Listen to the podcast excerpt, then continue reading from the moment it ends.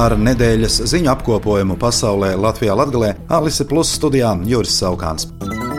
Šonadēļ izskatot Dienvidāfrikas ierosināto lietu pret Izrēlu, apvienoto nāciju organizācijas starptautiskā tiesa Hāgā nav uzdevusi Izrēlai pārtraukt militāro operāciju Gazas joslā. Taču piekdien tiesa paziņoja, ka Izrēlai būtu jādara viss, kas ir tās spēkos, lai novērstu genocīdu Gazas joslā un jāsakmē humanās palīdzības piegāde šai teritorijai. Dienvidāfrikas Republika jau decembrī ierosināja lietu pret Izrēlu, apsūdzot to genocīdā pret palestīniešiem Gazas joslā, jo uzskata, ka Izrēla ir pārkāpusi tādā veidā apvienoto nāciju organizācijas genocīda konvenciju, kur ir parakstīta gan no Dienvidāfrikas, gan Izrēlas puses. Jāatzīmē, ka ANO starptautiskās tiesas tiesnešiem Hāgā nav varas piespiest kādu valsti izpildīt šīs tiesas spriedumus, bet viņi var aicināt apvienoto nāciju organizācijas drošības padomi uz rīcību attiecīgā jautājumā.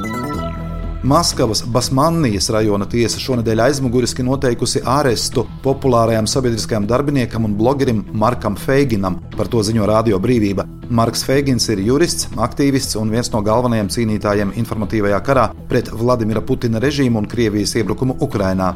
Krievijas iekšlietu ministrijas meklēto personu sarakstā Feigina vārds parādījās pagājušā gada oktobrī. Amerikas Savienoto Valstu aģentūra Bloomberg atsaucoties uz diviem avotiem, kas esot informēti par Kremlī notiekošo, ziņo, ka Krievija pa neoficiāliem kanāliem dodot mājienus Amerikas Savienotajām valstīm, ka esot gatava sarunām par kara izbeigšanu un iespējamajām drošības garantijām Ukrainai. Šonadēļ sākās sarakstu iesniegšana Eiropas parlamenta vēlēšanām. Centrālajā vēlēšanu komisijā līdz piekdienai sarakstus bija iesniegušas piecas partijas - Latvijas attīstībai, stabilitātei, jaunā konservatīvā partija, progresīvie un Nacionālā apvienība. Sarakstu iesniegšana noslēgsies 9. februārī. Par kandidātu saraksta iesniegšanu jāiemaksā 8000 eiro drošības nauda, bet atpakaļ šo naudu saņem tikai tie kandidātu saraksti, no kuriem ievēlēts vismaz viens Eiropas parlamenta deputāts. Daugopils valsts pilsētas pašvaldība ar ERAF finansējumu divu gadu laikā par pusmiljonu eiro plāno izbūvēt mākslīgā sniega sagas veidošanas sistēmu stropu aktīvās atpūtas un sporta trases teritorijā, kā arī īstenot citus pasākumus, popularizējot ziemas turisma iespējas Daugopilī. Projekta ietvaros, kuru Daugopils īsteno sadarbībā ar Visaginas pašvaldību, paredzēts iegādāties arī specializētu ziemas turisma aprīkojumu cilvēkiem ar īpašām vajadzībām.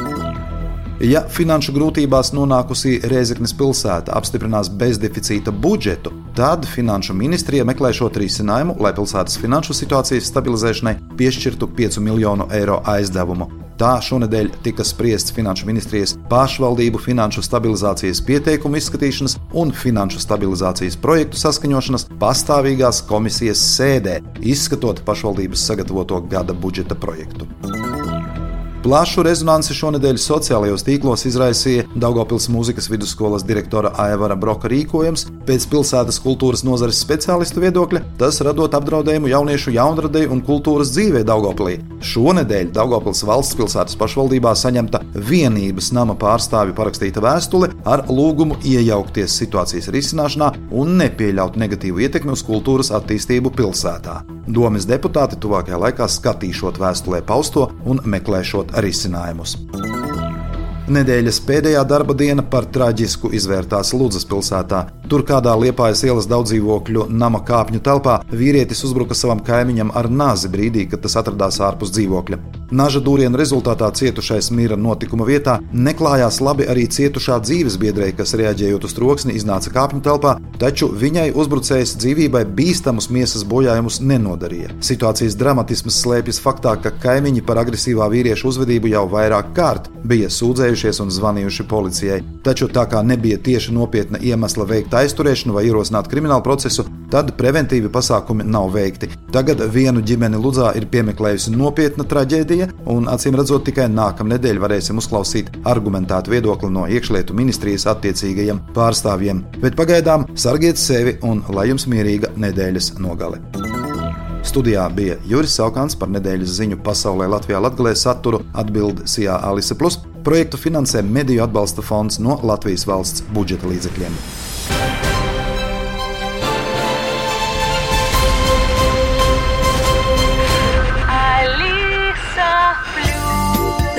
radio.